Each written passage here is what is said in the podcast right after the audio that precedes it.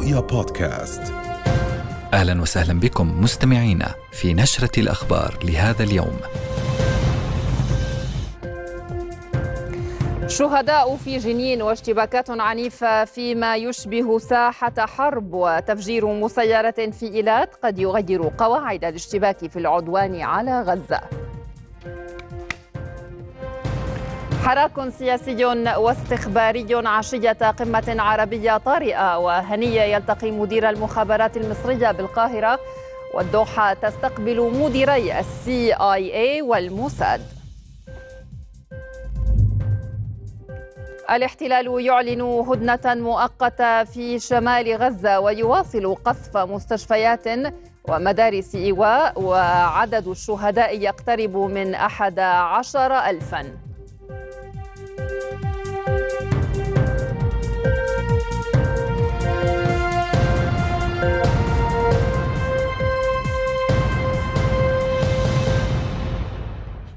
من عناوين النشرة إلى تفاصيلها.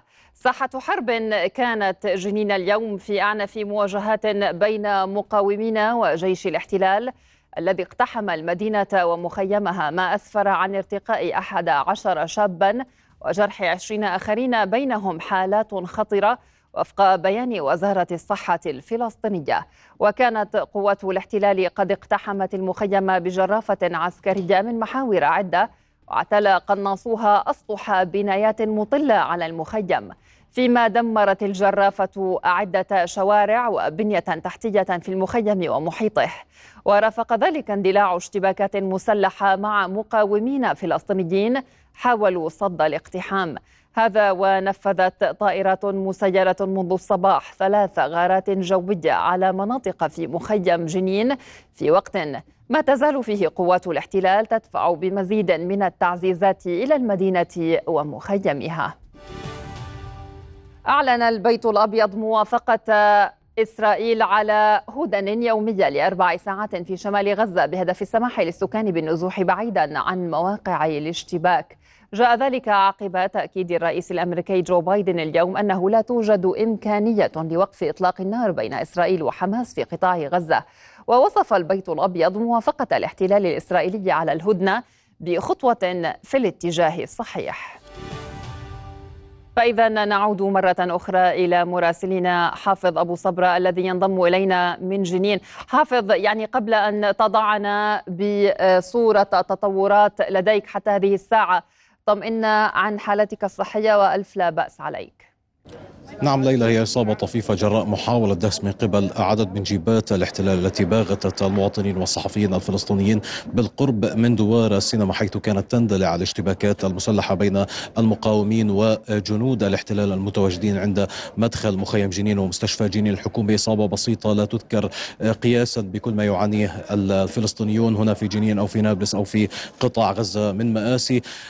قبل دقائق فقط انتهت مهلة الساعة التي منحها الاحتلال للأهالي لإجلاء أبنائهم من داخل الروضات والمدارس التي احتجزوا فيها منذ صبيحة هذا اليوم منذ بدء العدوان. ومع انتهاء هذه المهلة عادت أصوات الرصاص والاشتباكات المسلحة لتعود وتغطي على كل الأجواء هنا في مخيم جنين وفي محيط المخيم حيث يواصل الاحتلال تواجده في كل المحاور آه، بالتحديد في محور الساحة الرئيسية للمخيم بالقرب من مستشفى جنين الحكومي ومستشفى الأمل حيث تتمركز آليات الاحتلال عند مدخلي المستشفيين ويعاني أو تعاني الطواقم الطبية ومركبات الإسعاف عند تنقلاتها فيما يتعلق بنقل المصابين والجرحى. حتى اللحظة نتحدث عن أحد عشر شهيد برصاص الاحتلال وجراء قصف طائرات مسيرة جراء استمرار الغارات الجوية التي وصلت إلى خمس غارات أربعة منها في أعماق مخيم جنين. ونتحدث عن أحياء في داخل المخيم حارة الدمج حارة جورة الذهب وبالقرب من مسجد أنصار. وعند الساحة الرئيسية الغارة الخامسة استهدفت مركبة في قرية برقين المتاخمة للمخيم وحتى اللحظة لم يعرف إن كان هناك إصابات أو شهداء داخل هذه المركبة. منذ قليل وصلت وصلت إصابة جديدة إلى هنا حيث نتواجد إلى مستشفى آه، ابن سينا. آه، وجميع الإصابات في هذا المستشفى حقيقة التي وصلت منذ صبيحة اليوم كانت خطيرة جدا وأعلن عن ارتقائها إثر آه، إصاباتهم داخل هذا المستشفى بعد فشل الجهود الطبية في محاولات إنعاشهم و يعني من خلال عمليات الإنعاش التي تقوم بها الطواقم الطبية. الأمور في المخيم معقدة جدا وفي محيطه أكثر تعقيد في ظل تواصل الاشتباكات المسلحة واستهدافات الاحتلال بعبوات ناسفة وكل هذا على وقع عدوان على ما يبدو أنه مستمر لساعات في ظل إعلان الإعلام العبري أن عمليته العسكرية في جنين وفي مخيمها ستمتد حتى اشعار آخر حتى اللحظه لم يكن هناك أي حديث عن موعد لانتهاء العملية ولم يتم الحديث عن أهداف يأتي الاحتلال إلى مخيم جنين مجددا بعد تسعة اقتحامات منذ السابع من أكتوبر ليحققها سيما وأن العملية العسكرية بدأت بعد ساعتين فقط من انتهاء اقتحام كبير للمخيم بدأ فجرا وانتهى في السابعة صباحا طال تخريب جزء كبير من الشوارع الرئيسية والبنية التحتية داخل المخيم واستهداف منزل بالقنابل ما أدى إلى احتراقه بشكل كامل. وخلال العدوانات السابقة تعرض المخيم للكثير من الخراب والدمار جراء إجراءات الاحتلال المتمثلة بالتجريف من خلال جرافات دي 9 العسكرية التي ما زالت تنتشر في محيط الساحة الرئيسية هذه المرة. ومن خلال القصف والغارات الجوية التي تنفذها طائرات مسيرة عبر صواريخ ذكية ونفذت لأربع أربعة مرات قبيل ما يجري في هذه الساعات التي مضت خلال الاقتحام والعدوان الأخير. يعني أبرز المحاور التي تتركز فيها اشتباكات المقاومين والتصدي لقوات الاحتلال هي دوار السينما حيث كنا نتواجد قبل ساعة من الآن وهناك رصدنا عدد من الإصابات برصاص الاحتلال واستهداف للطواقم الطبية قبيل استهداف الطواقم الصحفية. وسجلنا على الهواء مباشرة استهداف أحد المقاومين بالرصاص بشكل مباشر ما أدى لإصابته بجروح خطيرة. أعلن عن استشهاده على إثرها لاحقا في مستشفى ابن سينا هنا حيث نتواجد. آه، التغطية ستظل مستمرة طالما الاحتلال مستمر في عمليته العسكرية التي تزامنت عصر اليوم مع اقتحام قوات خاصة لمخيم بلاطة شرق نابلس المحتلة. وهناك فشل الاحتلال في الوصول للمطاردين الذين آه، داهمت القوات الخاصة منزلا كانوا يتحصنون فيه. وسجلت وزارة الصحة الفلسطينية 15 إصابة من بينها خمسة إصابات بالرصاص الحي واحدة لفتاة اعتدى عليها الاحتلال داخل منزلها وأطلق الرصاص نحوها ومنع الطواقم الطبية من الوصول. الوصول إليها فيما أعلنت وزارة الصحة الفلسطينية عن استشهاد الشاب قدري حطاب ليكون الشهيد الثاني عشر خلال نعم. ساعتين فقط في محيط نابلس وجنين والخامس عشر منذ صبيحة اليوم بعد شهيدين في الجنوب وآخر في مخيم الأمعري برام الله. نعم شكرا جزيلا لك حافظ أبو صبرة كنت معنا من جنين وأطلعتنا على آخر التطورات لديك. ومن جنين إلى رام الله مع مراسلتنا أسيل سليمان. أسيل أهلا بك. تزامنا يعني مع ما يحدث في جنين وفي غزة. بالتأكيد هنالك يعني سلسلة اقتحامات لمدن في الضفة الغربية وخاصة مخيمي الأمعري في رام الله وبلاطة في نابلس. أجملي لنا المشهد اليوم لو تكرمتي نعم يعني منذ صباح اليوم كانت هناك اقتحامات متكررة لعدد من المدن والقرى الفلسطينية. هذه الاقتحامات بدأت منذ ليلة أمس في الحقيقة. آه، قرى مدينة نابلس على سبيل المثال مخيم الأمعري في رام الله آه، طوباس أيضا مدينة طوباس وعدة نقاط في مدينة الخليل منها خلة مناع التي اقتحمتها قوات الاحتلال لتسليم آه، منزل أو عائلة الشهيدين الأسيرين عفوا محمد وصقر الشنتير بلاغا بضرورة إخلاء منزلهم لأنه سيتم تفجيره في أي لحظة. طبعا تتهم قوات الاحتلال الأسيرين صقر ومحمد الشنتير بأنهما مسؤولان عن إطلاق أو عن عملية إطلاق نار على آه، سيارة مستوطنين أدت لمقتل مستوطنة وإصابة آخر بجروح خطيرة في آب المنصرم وهما معتقلين منذ ذلك الحين بعد عملية بحث أسفرت عن اعتقالهما. يعني كما ذكرت مشاهد الاقتحامات في جميع المدن الفلسطينية لأغراض إما التبليغ عن الهدم والإخلاء أو إما لجمع آه، آه، معلومات أو اعتقالات طبعا اعتقالات لمطلوبين أو لأهالي مطلوبين يتم آه، اعتقالهم للضغط على ذويهم في سجون الاحتلال للاعتراف أو لتسليم آه، آه، أنفسهم. هذا من جهة. يبدو أن قوات الاحتلال تستعد ليوم غد وهو يوم الجمعة الرابع على ما يبدو من منذ عدوان الاحتلال على قطاع غزة. ونظيره أيضا على الضفة الغربية تعلمين في كل يوم جمعة تكون هناك دعوات للتصعيد وجعله يوم نفير آه، عام في جميع الأراضي الفلسطينية آه، خاصة بعد صلاة الجمعة. وهذه المسيرات بالفعل تنطلق بعد صلاة الجمعة. إلى مراكز المدن ومن ثم إلى نقاط التماس. نقطة المواجهات الرئيسية في مدينة رام الله أو البيرة هي المدخل الشمالي لمدينة البيرة حيث مغتصبة حاجز بيت إيل. هناك عادة ما يختبئ أو يتمترس الشبان المشاركين في المواجهات خلف خزانات للمياه وخلف حاويات أيضا اليوم اقتحمت قوات الاحتلال مدينة رام الله بعدد كبير من آليات الاحتلال وجرافة أيضا كان ذلك مستغربا لأن هذا لا يحصل إلا إذا كانت قوات الاحتلال تريد أن تهدم بيتا وهي عادة تبلغ عن ذلك آه، آه، من قبل. لكن ما حدث اليوم هو أنها دخلت وأزالت كافة السواتر وكافة ما يمكن أن يحتمي خلفه الشبان في المواجهات عند المدخل الشمالي لمدينة ألبيرة. والآن أصبح الشبان أو المنطقة التي تحدث فيها المواجهات مكشوفة تماما لمعسكر بيت إيل الذي يطلق منه أو يطلق منه الجنود آه، الرصاص الحي وتنطلق منه الجبات العسكرية التي تستهدف الشبان بقنابل الصوت والغاز والرصاص الحي وغير ذلك في المواجهات. فذلك من ضمن التجهيز من قبل قوات الاحتلال ليوم غد. وهذا أمر صراحة لا نعرف كيف سيتجاوزه نعم. الشبان بأي وسيلة لأنه لم يكن هناك مرة من المرات مواجهات بدون أن يكون الشبان محتمون بهذه السواتر. اذا تحضير ليوم غضب ونفير عام غدا في كافة محافظات الضفة الغربية بعد مسيرات ستعم المدن الفلسطينية في مراكزها بعد صلاة الظهر ومن ثم التوجه لنقاط التماس الاشتباك والمواجهة مع الاحتلال. شكرا جزيلا لك من رام الله مراسلتنا أسيل سليمان. وصل رئيس المكتب السياسي لحركة حماس إسماعيل هنية إلى مصر اليوم في منعطف جديد وسط حراك إقليمي ودولي مكثف للتوصل إلى هدنة إنسانية. وتبحث هنية مع رئيس جهاز المخابرات المصرية العامة اللواء عباس كامل بشأن الأوضاع الراهنة في قطاع غزة بحسب بيان رسمي. وعلى الجانب الآخر احتضنت العاصمة القطرية اجتماعا ثلاثيا بين مديري المخابرات الأمريكية والإسرائيلية ورئيس وزراء قطر بهدف تكثيف محاولات الوصول إلى هدنة إنسانية ووقف مؤقت للقتال في غزة وإطلاق سراح محتجزين في القطاع. بحسب تقرير لرويترز.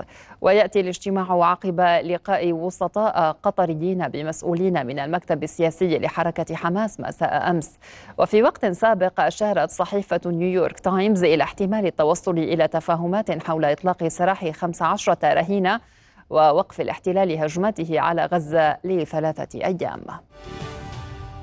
وفي التطورات ميدانيا يواصل جيش الاحتلال الإسرائيلي القصف على مناطق متفرقة من القطاع وطالت غارته العنيفة مجددا المستشفيات ومدارس الإيواء في حين دارت اشتباكات ضارية بين المقاومة الفلسطينية وقوات الاحتلال في محاور عدة في القطاع من بينها مخيم الشاطئ وغرب حي النصر وأطراف حي الشيخ رضوان.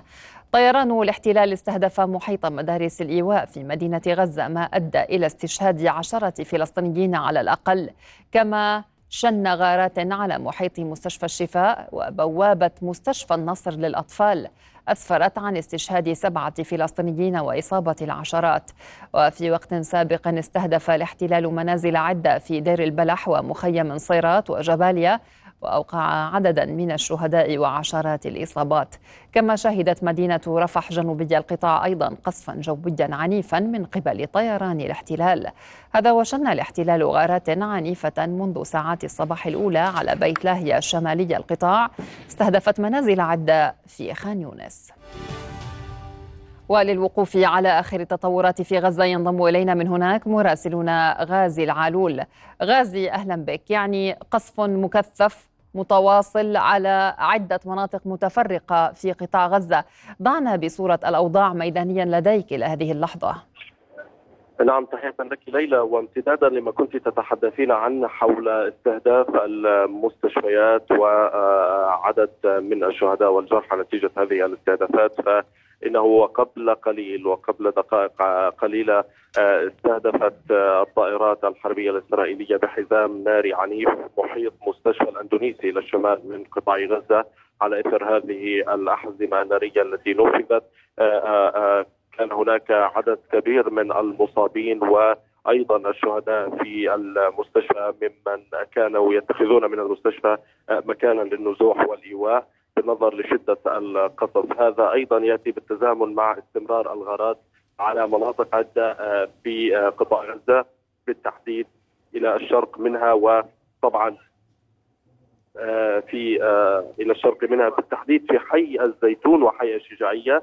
هذا أيضا يأتي بالتزامن مع اشتباكات عنيفة تدور في أكثر من محور آه، سيما المحور الغربي الجنوبي منطقة تل الهوى حيث كان هناك آه، تقدما لآليات الاحتلال وأيضا تصديا مستميتا من قبل المقاومة الفلسطينية التي آه، تقول إنها تردع هذه القوات المتقدمة وتثبته خسائر فادحة فيما يتعلق بالاليات المدمرة وحتى بالجنود القتلى من جيش الاحتلال. هذه العملية البرية المستمرة والتي تشهد توسعا في نطاقها على مستوى التوغل وعلى مستوى الوصول إلى عمق مدينة غزة وهو الهدف الرئيسي بالنسبة للاحتلال الذي يعتقد بأن المقاومة الفلسطينية تتخذ من المستشفيات ومن عمق مدينة غزة أماكن لإدارة المعركة سواء على على الأرض أو حتى فيما يتعلق بالاحتفاظ بعدد كبير من الرهائن الذين آه، آه، يعني اثرتهم حماس يوم السابع من أكتوبر من الشهر الفائت. هذه الظروف تأتي أيضا بالتزامن مع أوضاع إنسانية متفاقمة للغاية بالنظر إلى عدم إدخال المساعدات بصورة كافية إلى قطاع غزة وإلى مراكز الإيواء. طب بالحديث عن المساعدات غازي هنالك حديث عن وصول إمدادات طبية مشتركة بين الأونروا ومنظمة الصحة العالمية إلى مستشفى الشفاء. ضعنا بصورة أي تفاصيل إن كانت لديك ويعني ماذا عن بقية الإمدادات لبقية مستشفيات القطاع؟ يعني آه، آه، بدأ واضحا بأن الاحتلال يمنع أي قوافل من المساعدات والمستلزمات الطبية آه، التي من الممكن أن تصل إلى مجمع الشفاء الطبي أو مستشفيات القطاع في شمال القطاع. أيضا كذلك بالأمس كان هناك استهدافا لإحدى سيارات الصليب الأحمر التي كانت تحاول الوقوف على إجلاء بعض المواطنين النازحين ممن قرروا الخروج، فيما يتعلق بإيصال المساعدات بالفعل هناك محاولات حثيثة سواء من منظمة أطباء بلا حدود وكذلك الصحة العالمية لإيصال هذه المستلزمات الطبية إلى مجمع الشفاء الطبي. ولكن حتى هذه اللحظة لا يعلم ما هي المستلزمات التي وصلت وهل نعم. أو كم كم تكفي بالتحديد للمستشفى وهل تكون ذات علاقة بالعمليات الجراحية نعم. المعقدة كما وصلت مثلا اليوم بعض المساعدات إلى مجمع ناصر الطبي وهي المرة ربما الخامسة التي تصل فيها مساعدات إلى هذا المجمع وتشهد حالة من يعني تدفق المساعدات والمستلزمات الطبية في محاولة للتخفيف من وطأة وحدة الأزمة الإنسانية وانهيار المنظومة الصحية هنا في الصعيد. نعم. غازي بالنسبة للهدنة الإنسانية التي تم طرحها اليوم هل بدأت تتجلى مظاهرها بشكل واضح في آه، قطاع غزة أو في شمال قطاع غزة بالأحرى هل لمستم أي تغيير بناء على هذه الهدنة وكيف سيتم تطبيقها إن كان يتوفر لديك أي معلومات حولها؟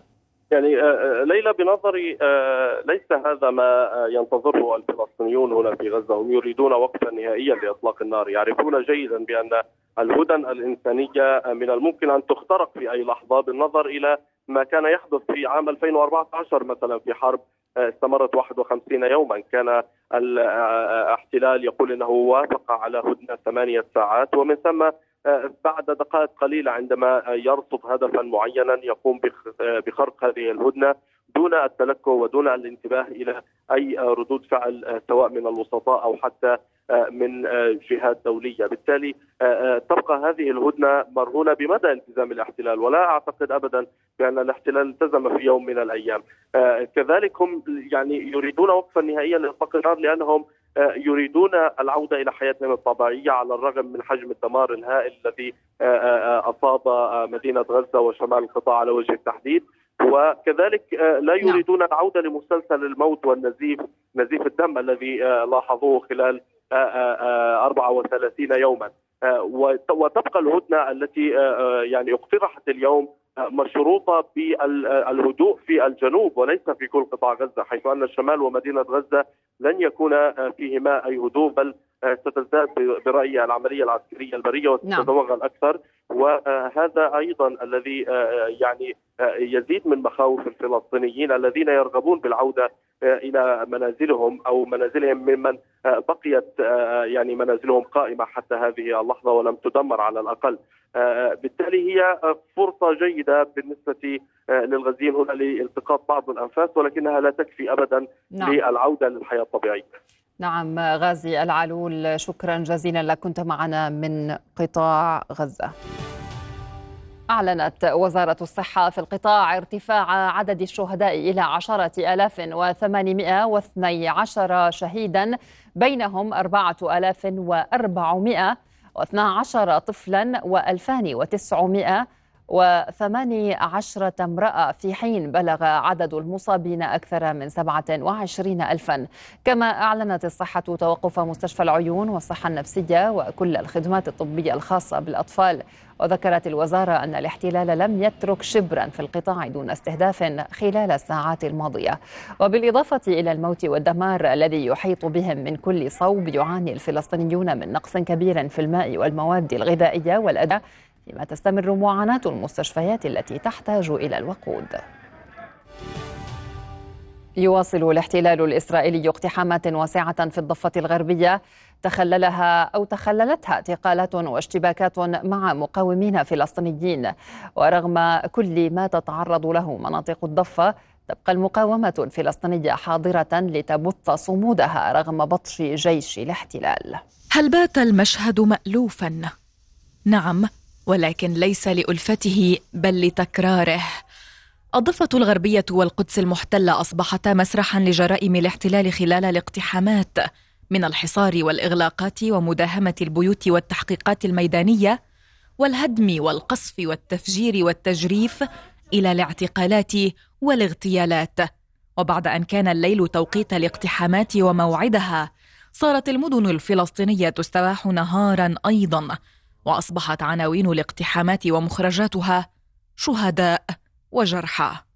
الأنكى أن أدوات الاحتلال في الاقتحامات تغيرت وباتت تشمل طائرات مسيرة تحمل قذائف وصارت القوات المقتحمة تتجنب دخول أزقة المخيم وحاراته لئلا تشتبك مباشرة مع المقاومين بل تحاول إخراجهم إلى مساحة مفتوحة أكثر أي أطراف المخيم أو المدينة. الضفة الغربية لم تعد لقمة سائغة في حلق الاحتلال أيضا وربما يستطيع قراءة ذلك من انتشار المجموعات المقاومة المسلحة أكثر من أي وقت مضى وتطور أساليبها في المقاومة من الاشتباك بالرصاص فقط إلى تفجير العبوات الناسفة وتنفيذ الكمائن. إذا من خلال الاقتحامات والاغتيالات والاعتقالات يحاول الاحتلال السيطرة على شبح الضفة الغربية وتقويض الحالة النضالية الشعبية وترهيب الفلسطينيين بأن هذا هو مصير من يفكر بالمقاومة. خلال الاقتحامات أيضا بات الاحتلال يستهدف معالم المدن بالتخريب والتجريف لطمس الهوية الفلسطينية وإيهام المواطنين بأن ما يحل بهم هو بسبب المقاومة كي يرفضوا وجودهم بينهم. وهذا قد يحصل بالفعل.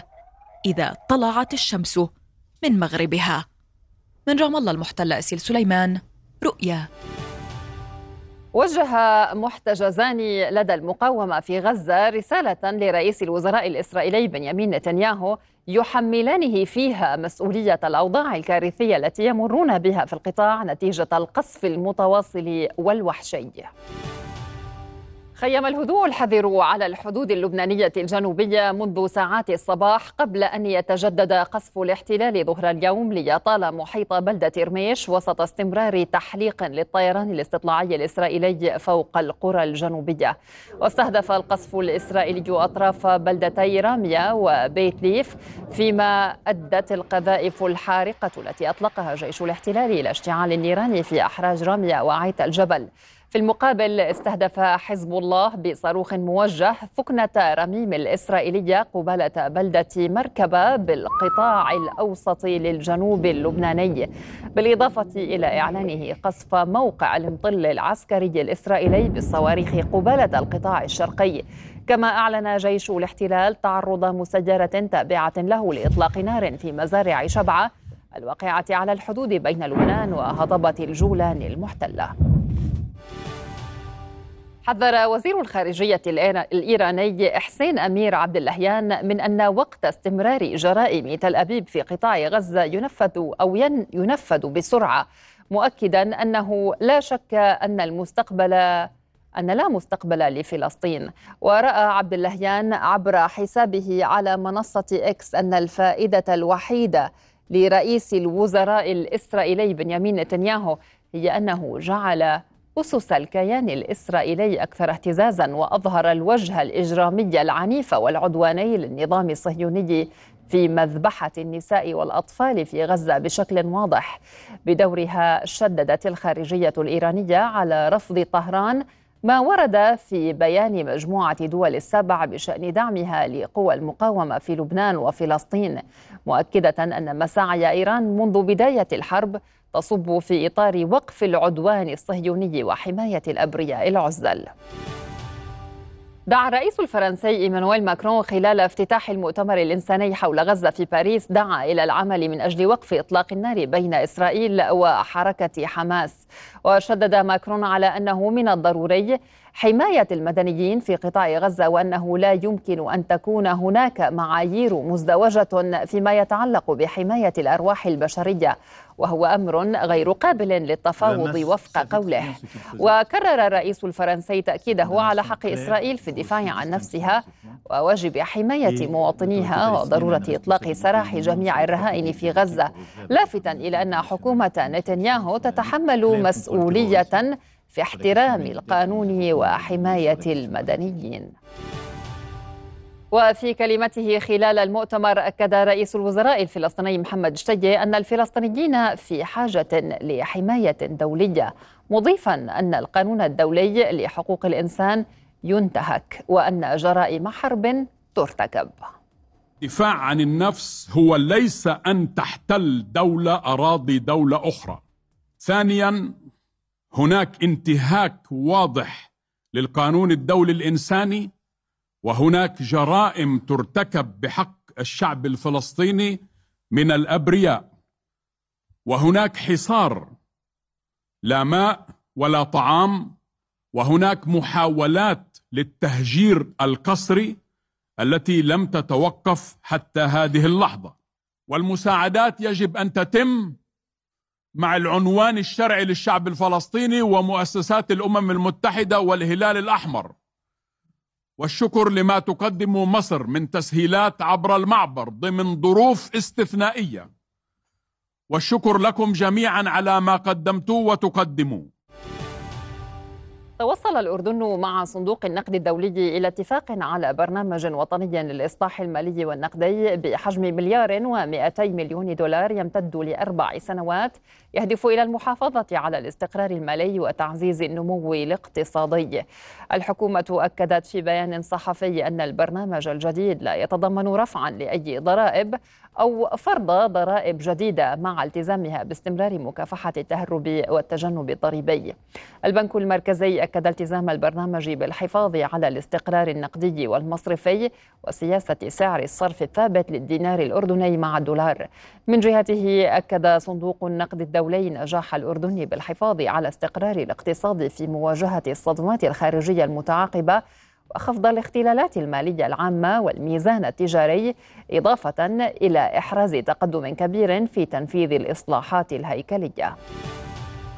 إقبال لافت على المنتجات الفلسطينية في الأسواق الأردنية دعما لصمود الفلسطينيين مع تصاعد عدوان الاحتلال على قطاع غزة رغم العراقيل التي أضعها الاحتلال أمام حركة انسياب السلع بين الأردن وفلسطين. بدأ الأردن بإرسال مساعدات القمح والحبوب للضفة الغربية البالغة 45 ألف طن وعلى مراحل بموجب قرار مجلس الوزراء. وعبرت اليوم الدفعة الأولى جسر الملك حسين وتمثل عشر شاحنات تحمل 230 طنا من القمح فيما سيتم استكمال إرسال المتبقي بالتنسيق مع السلطة الفلسطينية خلال الفترة المقبلة إذ يحتاج الأردن إلى ألف شاحنة لتوصيل 30 ألف طن من القمح و15 ألف طن من الحبوب. وزير الصناعة والتجارة يوسف الشمالي قال إنه تم وضع القمح في أكياس كل كيس يحتوي على 50 كيلوغراما وكل شاحنة تحمل 23 طنا وفق الحد المسموح به لحمولة الشاحنات. وحول مخزون المملكة من القمح أكد الوزير أنه آمن ويكفي لمدة عشرة أشهر لافتا إلى أن الأردن مستعد أن يتقاسم لقمة العيش مع الفلسطينيين في هذه الظروف الصعبة. مع استمرار الحرب الدائرة في الأراضي الفلسطينية لأكثر من شهر تسيطر مخاوف نقص إمدادات النفط على الأسعار العالمية. وارتفع برنت لأكثر من 80 دولارا للبرميل في محاولة لمحو خسائر أربعة أيام متتالية دفعت الأسعار للانخفاض إلى أدنى مستوياتها منذ منتصف تموز الماضي فيما سجل الأسبوع الأول من الشهر الحالي ارتفاعا في معدل أسعار البنزين وتراجع السولار والكاز عالميا بالمقارنة مع تشرين الأول الماضي وفقا لرصد وزارة الطاقة والثروة المعدنية. بلغ إجمالي خسائر السلطة الفلسطينية الاقتصادية جراء حصار قطاع غزة منذ 17 عاما نحو 35 مليار دولار. الجهاز المركزي للإحصاء الفلسطيني بين أن مساهمة قطاع غزة من الناتج المحلي الإجمالي لفلسطين قبل عام 2006 كانت تمثل حوالي 36% واليوم لا تتجاوز 17% نتيجة تآكل القاعدة الإنتاجية وأشار إلى تعرض بنية الاقتصاد لتشوه في معظم أنشطته.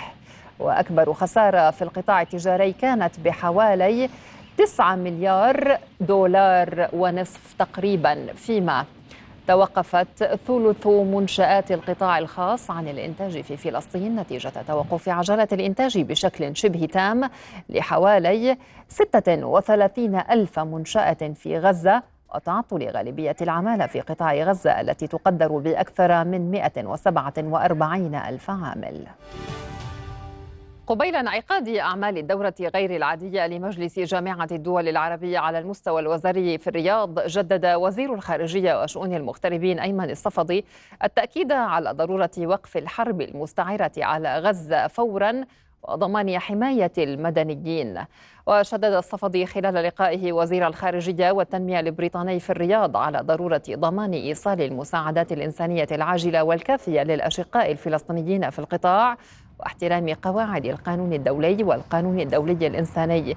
كما التقى الصفدي وزير الخارجية السعودي الأمير فيصل بن فرحان في إطار التشاور والتنسيق المستمر بين البلدين إزاء تطورات الأوضاع في غزة. اجتمع وزراء الخارجية العرب للإعداد والتحضير للدورة غير العادية لمجلس جامعة الدول العربية على مستوى القمة والمقرر عقدها السبت المقبل بالرياض بناء على طلب فلسطين والسعودية. وبحث الوزراء سبل وقف العدوان الإسرائيلي المتواصل على الشعب الفلسطيني في قطاع غزة. وقال الأمين العام المساعد للجامعة العربية السفير حسام زكي أن وزراء الخارجية سيقومون بإعداد مشروع القرار الذي سيتم عرضه على قادة الدول العربية بشأن العدوان الإسرائيلي الذي يتعرض له قطاع غزة. ولفت زكي إلى أن القرارات المرتقبة للقمة ستعبر عن الموقف العربي الجماعي تجاه عدوان الاحتلال على الشعب الفلسطيني وآلية التحرك دوليا لإدانة الاحتلال ومحاسبته على جرائمه. وفي أخبار عاجلة وردتنا الآن ارتفع عدد الشهداء في جنين إلى 13 شهيدا. وفي غزة الاحتلال يقصف محيط المستشفى الأندونيسي. هذا هو المستشفى.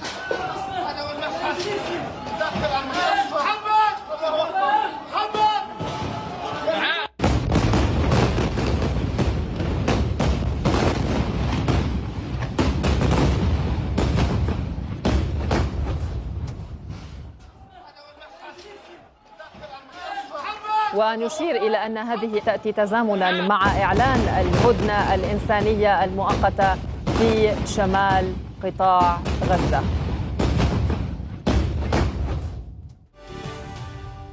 هذا وتتابع وزارة الخارجية أوضاع أردني أصيب في إحدى غارات الاحتلال الكثيفة على قطاع غزة وقالت إنه يرقد حاليا على سرير الشفاء في المستشفى الأندونيسي وحالته حرجة.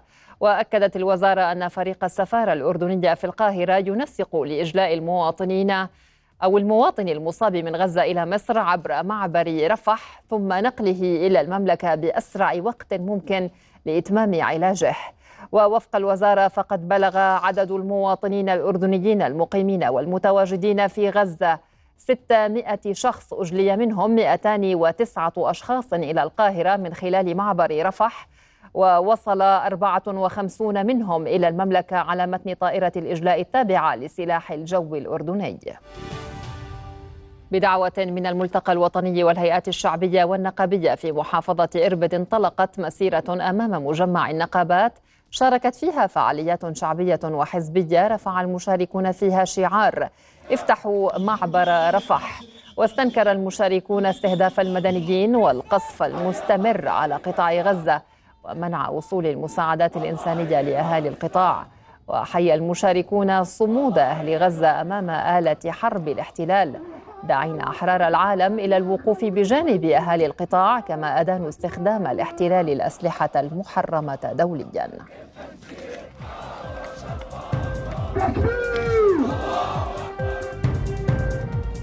إلى هنا نكون قد وصلنا إلى نهاية نشرتنا إلى اللقاء.